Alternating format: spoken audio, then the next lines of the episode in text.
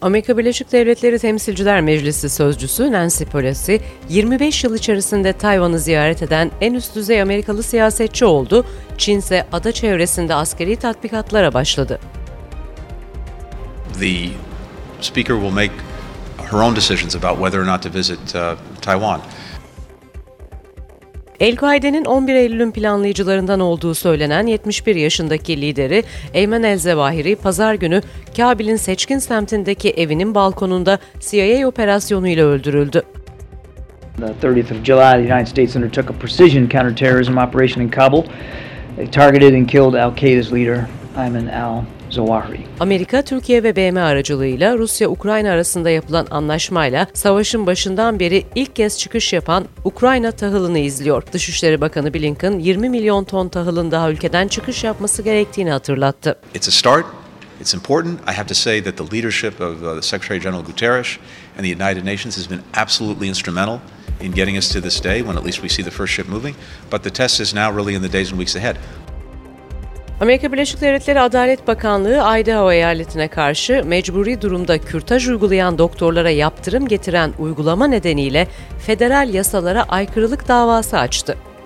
The hospital determines that an abortion is the medical treatment necessary to stabilize the patient's emergency medical condition. It is required by federal law to provide that treatment. Amerikalı tüketicilerin borçları yükselişte, yakıt fiyatlarındaki az miktardaki düşüşse korumayı sürdürüyor. Washington raporuna hoş geldiniz. 4 Ağustos Perşembe 2022 itibariyle haftanın gelişmeleriyle karşınızdayız. Özetlerin ardından Süleyman Demirel Üniversitesi Uluslararası İlişkiler Bölümü öğretim görevlisi ve Ankara Politikalar Merkezi'nde Asya uzmanı olarak görev yapan Ümit Alperen'le Temsilciler Meclisi Sözcüsü Nancy Pelosi'nin Tayvan ziyaretini konuşacağız. Ben Serra Karaçam. Önce özetler. Zawahiri was the world's most wanted terrorist. He was Osama bin Laden's deputy during the 9 11 attacks and became his successor in 2011, following bin Laden's death during a U.S. counterterrorism mission. Amerika 11 Eylül saldırısının planlamasına yardımcı olan El-Kaide liderini drone saldırısıyla ortadan kaldırdı. Biden, El-Zevahiri'nin Amerikalıların ölümünü planlayan üst akıl olduğunu, Bin Laden'in ardından örgütün liderliğini üstlendiğini ifade etti. Amerikan medyasına göre Biden için Zevahiri'nin öldürülmesi önemli bir siyasi ve stratejik zafer. Amerika sadece önde gelen bir teröristi ortadan kaldırmadı.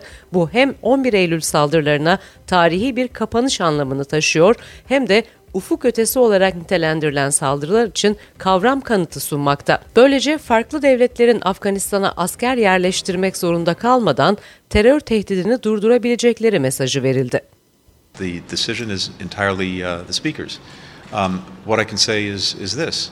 Um, this is very much um, precedent in the sense that uh, previous speakers visited Taiwan. Many members of Congress go uh, to Taiwan, including this year. Uh, and so, if the speaker does decide to visit, and China tries to um, create some kind of uh, crisis or otherwise escalate tensions, that would be entirely uh, on Beijing. Temsilciler Meclisi sözcüsü Nancy Pelosi, Çin'i kızdıran Tayvan ziyaretini ülkeye Amerika'nın verdiği sözün bir yansıması olarak niteledi. Tayvan Boğazı'ndaki Çin-Amerika gerginliği Rusya'nın Ukrayna işgaliyle başka bir boyuta taşınmıştı. Amerika Birleşik Devletleri Çin'i Gezi'yi Tayvan'a karşı herhangi bir askeri müdahalenin aracının bahanesi olarak kullanmaması konusunda uyardı. Çin ise Kuzeydoğu ve Güneybatı Tayvan yakınlarındaki sulara çok sayıda füze ateşledi ve Çin medyası Çin'in askeri tatbikatlarında ada çevresinde bir hava ve deniz ablukası simüle ettiğini iddia etti. Beyaz Saray sözcüsü John Kirby ise Başkan Biden'ın Gezi'yi destekleyip desteklemediği sorusuna Başkan Gezi'ye saygı gösteriyor şeklinde cevap vermeyi tercih etti. Amerika enflasyonu düşürme yasası isimli düzenlemeyi tartışıyor. Senato demokratlarıyla karşı çıkan Demokrat Senatör Joe Manchin arasında yapılan uzlaşmanın ardından bu yasanın aslında enflasyonla ilgili olmadığı ve planlanan vergilerin orta gelirlileri olumsuz etkileyebileceği aktarılıyor. Enflasyonla mücadele yasası 433 milyar dolarlık harcamayla dengelenen yaklaşık 739 milyar dolarlık gelir artışı içeriyor ve bu yaklaşık 300 milyar dolarlık azalma anlamına gelmekte. Bu değişikliğin büyük bir ekonomide ne kadar etkili olacağı ise tartışılıyor. Diğer taraftan yakıt fiyatları 50 günden fazla süredir düşüşü korumakta. Ülke çapında ortalama fiyat galon başına 4.16 dolar civarında seyretmekte. Bu fiyat hala yüksek görülse de Haziran ortasındaki durumdan daha iyi. Fiyat düşüşünün Biden'ın Suudi Arabistan ziyaretinden sonra korunmuş olduğuna dikkat çekiliyor. Amerika Birleşik Devletleri Adalet Bakanı Garland, Idaho eyaletinde yeni kürtaj yasasının doktorların tıbbi olarak gerekli tedaviyi sağlamasına izin vermediğini ve bu nedenle federal yasayı ihlal ettiğini savunarak eyalete dava açtığını söyledi. Garland, federal hükümetin eyaletin tıbbi acil durumlara maruz kalan kadınlara uygulanan kürtaj sağlama konusundaki cezai yasağını geçersiz kılmayı amaçlayarak davayı açıyor. Duyuru Yüksek Mahkemenin kürtaj hakkını garantiye alan kararı bozmasından bu yana Adalet Bakanlığı'nın ilgili bir eyalet yasasına itiraz eden ilk büyük hareketi olarak dikkat çekiyor ve doktorlara lisans ve yargılama tehdidi getiren düzenlemeyi durdurmayı amaçlıyor. Eski Beyaz Saray avukatı Pat Cipollin ve eski hukuk danışmanı Patrick Philbin 6 Ocak'ta Amerikan başkentine düzenlenen saldırıyla ilgili federal soruşturmadan mahkemeye çağrıldı. Philbin ve Cipollin eski başkan Trump'ın başkanlığının son günlerinde yaptıklarının kilit tanıklarıydı. Bu son gelişmeler Adalet Bakanlığı'nın soruşturmasının doğrudan eski başkan Trump'ı hedefleyebileceğini düşündürmekte. Adalet Bakanlığı soruşturmasının Temsilciler Meclisi'nin yürüttüğü soruşturmanın aksine bakanlık bünyesinde olacağı için ara seçimde meclisin cumhuriyetçilerin ağırlığına geçmesi gibi bir riskten uzak olduğu hatırlatılıyor. Yargı uygun görürse eski başkan Trump dönemi yönetim yetkililerine karşı suç duyurusunda bulunulabilir. Süleyman Demirel Üniversitesi Uluslararası İlişkiler Bölümü öğretim görevlisi ve aynı zamanda Ankara Politikalar Merkezi'nde Asya uzmanı olarak görev yapan e, Doktor Ümit Alperen bizlerle birlikte. Hoş geldiniz. Hoş bulduk. Oradan bakıldığında Pelosi'nin gezisi sizce ne kadar önemliydi? Bence çok önemliydi ee, ve bir dönüm noktası kesinlikle. Tarihi bir dönüm noktası. Ee, bunun en büyük nedeni 25 yıl sonra e, gerçekleştirilmiş, gerçekleştirilmiş en üst düzey e, bir gezi ve 3 numara Amerika'nın 3. 3 numarasının bir e, seyahatiydi. E, 25 yıl 1997'de en son temsilciler e, başkanı e, bir ziyaret gerçekleştirmişti ve bu ziyareti Sözcü hayvan... mü demek istiyorsunuz? Temsilciler evet, Meclisi evet, Hı hı. Evet, Temsilciler Meclisi sözcüsü 25 yıl gerçek 25 yıl önce gerçekleştirmişti ve eşgüdümlü bir, bir e, ziyaret yapmıştı. Hem Tayvan'ı hem de Çin'i ziyaret etmişti. Ee, Çin o zaman da bir tepki göstermişti. Fakat 1997'deki e, Çin daha zayıf bir e, Çin'di. Daha çok dış politikada, politik ve askeri konulardan daha çok ekonomik e, bir güç olma yolunda ilerleyen bir ülkeydi. Ama artık şu var, 2022 yılına geldiğimizde gerçekten hegemonik güç olan ABD'ye karşı bir meydan okuyan ve onunla ciddi sorunları olan bir ülke ve her anlamda daha güçlü bir Çin e, Çin'e ABD'den bir meydan okuma geldi. Bunu bir meydan okuma olarak görmek e, mümkün. E, ve Çin bunu da meydan okuma olarak kabul etti. Ve bu nedenle de elini o kadar çok yüksekten açtı ki, o kadar yüksekten açtı ki aslında krizi daha da tırmandıran bir de bu o, mesele. Yani Çin bunu kendisinin egemenliğine, e, toprak bütünlüğüne bir saldırı, bir meydan okuma olarak gördü. Ve bunu görürken de tabii ki sadece Çin-ABD ilişkilerinin de ötesinde biraz daha bu Çin iç politikasından da e, kaynaklı kaynak. Hemen şurada girmek istiyorum araya. Elini yüksekten açtı. Bunu bir tehdit olarak gördü dediniz. Tatbikatların başladığını görüyoruz. İşte Çin'i havadan ve deniz e, Tayvan'ı havadan ve denizden saran bir tatbikat olduğunu Çin devlet basınındaki e, ifadeler bu şekilde. Tayvan sularında füzeleri görüyoruz.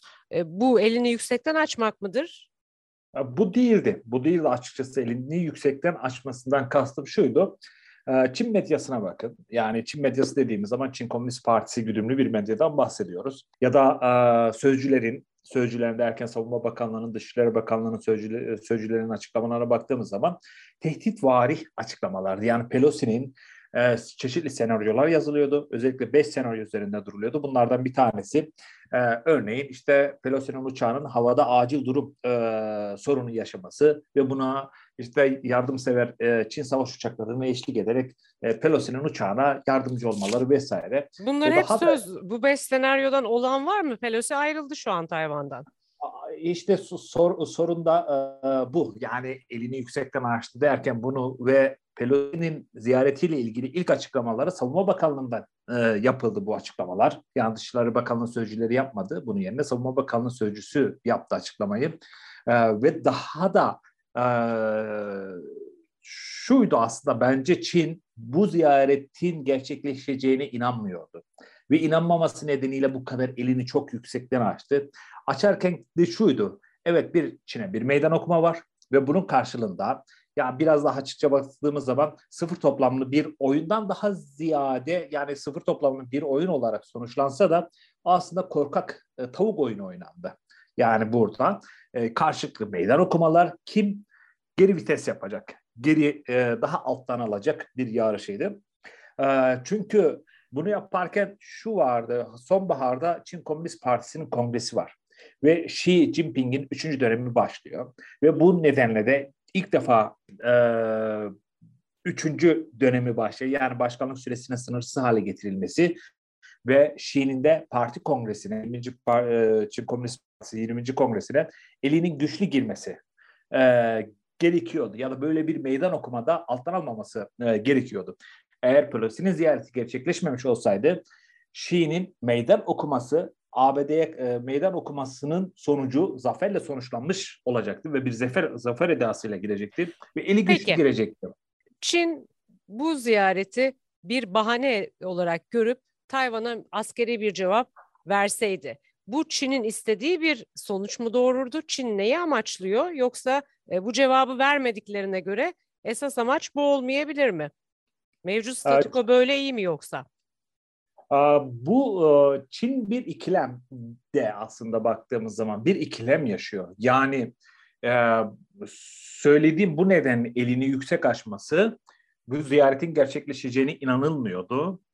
Benim anladığım o. Ama ziyaret gerçekleşti ve Çin biraz daha yüzünü kurtarmaya çalışıyor ve kendisine bir daha e, yenilgi imajı oluşturmama. Yani biraz imajını... Ama sorumun cevabını alamadım. Çin bir askeri hareketle Tayvan'a bir, bir harekette bulunmayı amaçlamış mıydı? Öyle olsaydı bunu bahane olarak kullanırdı. Bu, Amerika a- sıklıkla bunu tekrar etti. Bunu bir bahane olarak kullanmaya sakın kalkmayın diye. Esasında Amerika vermek istediği mesajı verebilmiş görünüyor herhalde. Biraz biraz öyle oldu. Yani Çin'in zaten e, Tayvan'a mevcut koşullarda, mevcut koşullarda bir e, askeri operasyon yapması, bir saldırıda bulunması çok çok mümkün değil. E, bunun birçok e, nedeni var. E, bir tanesi örneğin Ukrayna'nın, Rusya'nın Ukrayna işgali ve e, Rusya'nın savaş tecrübesi olmasına rağmen Ukrayna'da istediği e, sonucu hızlı bir şekilde alamaması. Bunun yanı sıra Batı'nın bir bütün olarak e, mesela Rusya'ya e, tepki vermesi. Bunlar Çin için hepsi öğretici oldu. Yani öğretici oldu derken eğer Tayvan'a bir saldırı ya da Tayvan'a karşı bir operasyon başlatıldığı zaman Batı'nın bir bütün olarak tepki vereceğini için biliyor ya da Batı bunu vermek zorunda e, kalacak. Ya bunun yanı sıra şu var. Eğer Çin askeri bir e, kaslarını göstermeye başladığı zaman bölgede Japonya gibi bölgenin en büyük gücünü de aynı zamanda askerileşmesinin de e, yolunu açacak. Böyle bir e, meşruiyet de sağlayacak. Ve dolayısıyla baktığınız zaman Çin yönetimi sadece bir perspektiften bakmıyor. Birden fazla perspektiften bakıyor. Benim gördüm. Ve Dolayısıyla bu nedenle, böyle bir cevap vermeyi zaten planlamamıştı ve bu provokasyona değil. kapılmamayı da yönetti.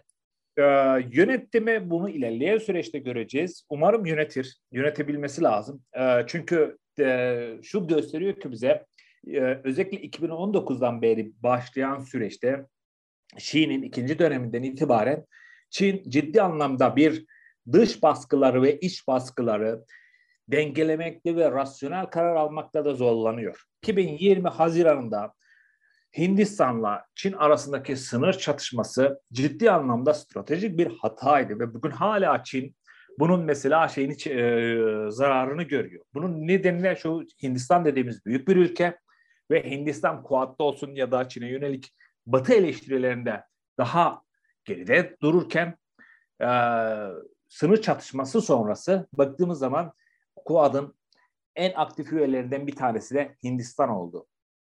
Ve ciddi anlamda kendisine dost olabilecek bir ülkeyi dost olabilecek bir ülke için kendisini düşmanlaştırdı. Peki e, ASEAN toplantısı da devam ediyor. Üye olmayan e, devletlerin de Dışişleri Bakanlarının da e, buluşmaları oluyor bu kapsamda. E, biz biraz Tayvan Boğazı'nın ekonomik anlamda tekabül ettiği e, stratejik değere e, bakarsak bütün bu Çin-Amerika gerginliği dünyanın en büyük iki ekonomisi diyoruz. Bu açıdan bakarsak tarihi olarak bu krizin arkasındaki e, resmi biraz aydınlatır mısınız? Bu daha çok Çin açısından baktığımız zaman Çin'in en büyük önceliği egemenlik meselesi. egemenlik meselesi bu kesinlikle e, böyle. Evet stratejik, e, jeopolitik vesaire, jeoekonomik konumu. Aslında baktığımız zaman Çin için e, ikinci derecede e, önemli olan. Çünkü e, bugün Amerika için sadece ekonomik mesele değil, aynı zamanda burası Çin'in yumuşak karnı ve Çin'i kontrol edebilecek ya da Çin'in enerjisini sömürebileceği bir alan.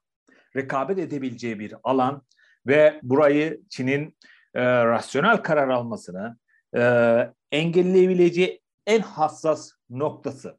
Yani şu var ABD'nin özellikle 2021 Ağustos'undan itibaren küresel stratejisinde de ciddi değişimler var. Yani Çin'i merkeze aldı. Ya bu baş 2011'den itibaren e, Asya dengelemesi bağlamında bir e, da bağlam dengelenmesinin stratejisinin bir sonucu olarak şu var ama bu boğazın ekonomik olarak burayı yani e, bunu elinde bulundurmak, bütün ticarete yön veren anlamda ağırlığının olması bunlar resimde ağırlık yapan e, parçalar değil mi? Bu sadece yani Tayvan Boğazı meselesi değil. Yani sonuçta Tayvan Boğazı'nı da aşarak bir şekilde farklı bir şekilde deniz ticaretini Çin yapabilir. Yani böyle bir aslında sorun yok. Ama şu açıdan evet bir e, önemi var Çin için. Ee, Güney Kore, Japonya, e, Tayvan ve o hatta baktığınız zaman hepsi ABD'nin müttefik ülkeler. Ve demokratik ülkeler ve tarihsel olarak da günümüzde de Çin'le bir şekilde sorunu olan ABD daha çok ABD'ye yakın ülkeler. Örneğin ASEAN ülkeleri ise örneğin ekonomik olarak Çin'le yakın ilişkiler içerisindeler ve güvenlik olarak da e, daha çok ABD'ye yaslanan e, ya da bir dengeleme stratejisi e, takip eden daha tarafsız ülkeler. Ama e, hani boğaz anlamında ya da ticaretin engellenmesi anlamında bakmak e, ne kadar e, doğru bilmiyorum. Çünkü daha çok mesela Malakka Boğazı mesela Çin'in ticareti için daha önemli bir e, durum. Ya da e, Tayvan Boğazı örneğin Guangdong e, bölgesi e, Şanghay bölgesi, Tianjin, hani Çin'in dış ticaretinde bu hatlar da önemli. Evet orada bir Şam'ın var işte e, Fujian eyaleti. Ama burası baktığımız zaman Fujian vesaire hani Çin'in çok da büyük olmayan limanlar o e, Tayvan'la ana Çin arasında kalan. Peki bu ziyaretin bu, ardından yakın gelecekte e, ne bekliyoruz? Yakın Böyle gelecekte e, ne bekliyoruz? Açıkçası e, Çin biraz daha onurunu ya da bu meydan okumasını e, meydan okumasının boşa çıkmamasına çalıştıracak ve Şii yönetimi özellikle e, parti kongresine eli güçlü bir şekilde girmek isteyecek. Çünkü Çin bir ne, ne yaparak bunu e, bunu kurtarmaya çalışabilir? E, bunu yaparken aslında işte askeri tatbikatları yoğun bir şekilde yaparak, yeni tatbikatlar yaparak aslında bunu yapıyor. Çünkü ama dediniz ki böyle bir harekete girişmez. Şu an Rusya örneğine de bakıyor. Batı'nın birleşeceğini düşünüyor. Sadece güçlüğün mesajını verecek ve yakın vadede e, bölgesel dinamikleri değiştirecek bir şey olmayacak o zaman. Ee, şu var. Normalde e, tatbikatlar 29 Temmuz 2 Ağustos arası 5 tatbikat vardı. E, bu hem de Çin e, Kurtuluş Ordusu'nun kuruluşunun 95. yılı vesilesiyle yapılan tatbikatlardı. Hem de Pelosi'ye bir cevap niteliğinde ve bugün başlatılan bir e, tatbikat zinciri de 7 Ağustos'a kadar devam edecek. Çin aslında bazı şeylerde yapıyor. Mesela bugünkü gelen haberlerde e, Tayvan'ın Tayvan'a ait adalar üzerinden insansız hava ara Çin'e ait insansız hava araçları. Tabii hem havadan hem denizden saran bir taktikle e, bu tatbikatları evet. ilerlettiği aktarıldı. O zaman ee, bu 7 Ağustos'a kadar yine gözümüz bölgede olacak. Doğru mu? bölgede olacak. Bir kaza yaşanabilir mi? Bu mümkün de yani. Japonya yaşam... Amerika'da bir tatbikat yürütüyor biliyorsunuz.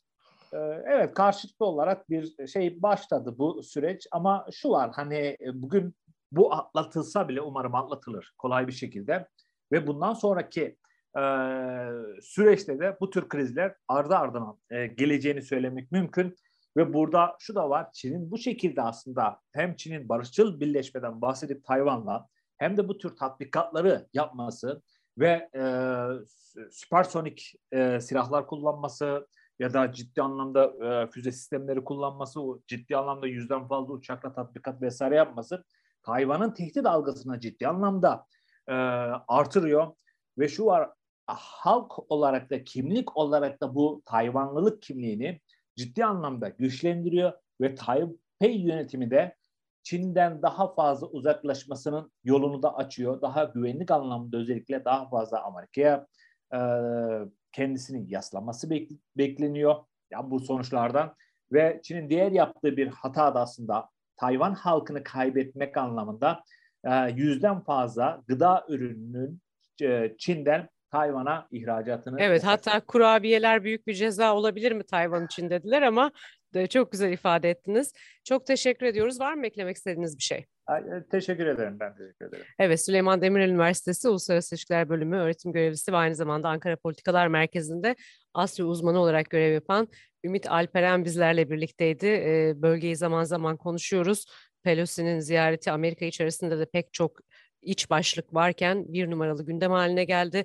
Aynı Çin'deki iç siyasi dengeler gibi esasında e, Biden yönetimi açısından da içeride bunun elbette verdiği bir mesaj var. Çok sayıda cumhuriyetçiyi de e, birleştirdi. Her ne kadar bunu mantıklı görmediklerini söyleyenler olsa da cumhuriyetçilerin çoğunluğu da arkasında durdu ve saygı duyduklarını ifade ettiler. Teşekkür ediyoruz tekrar.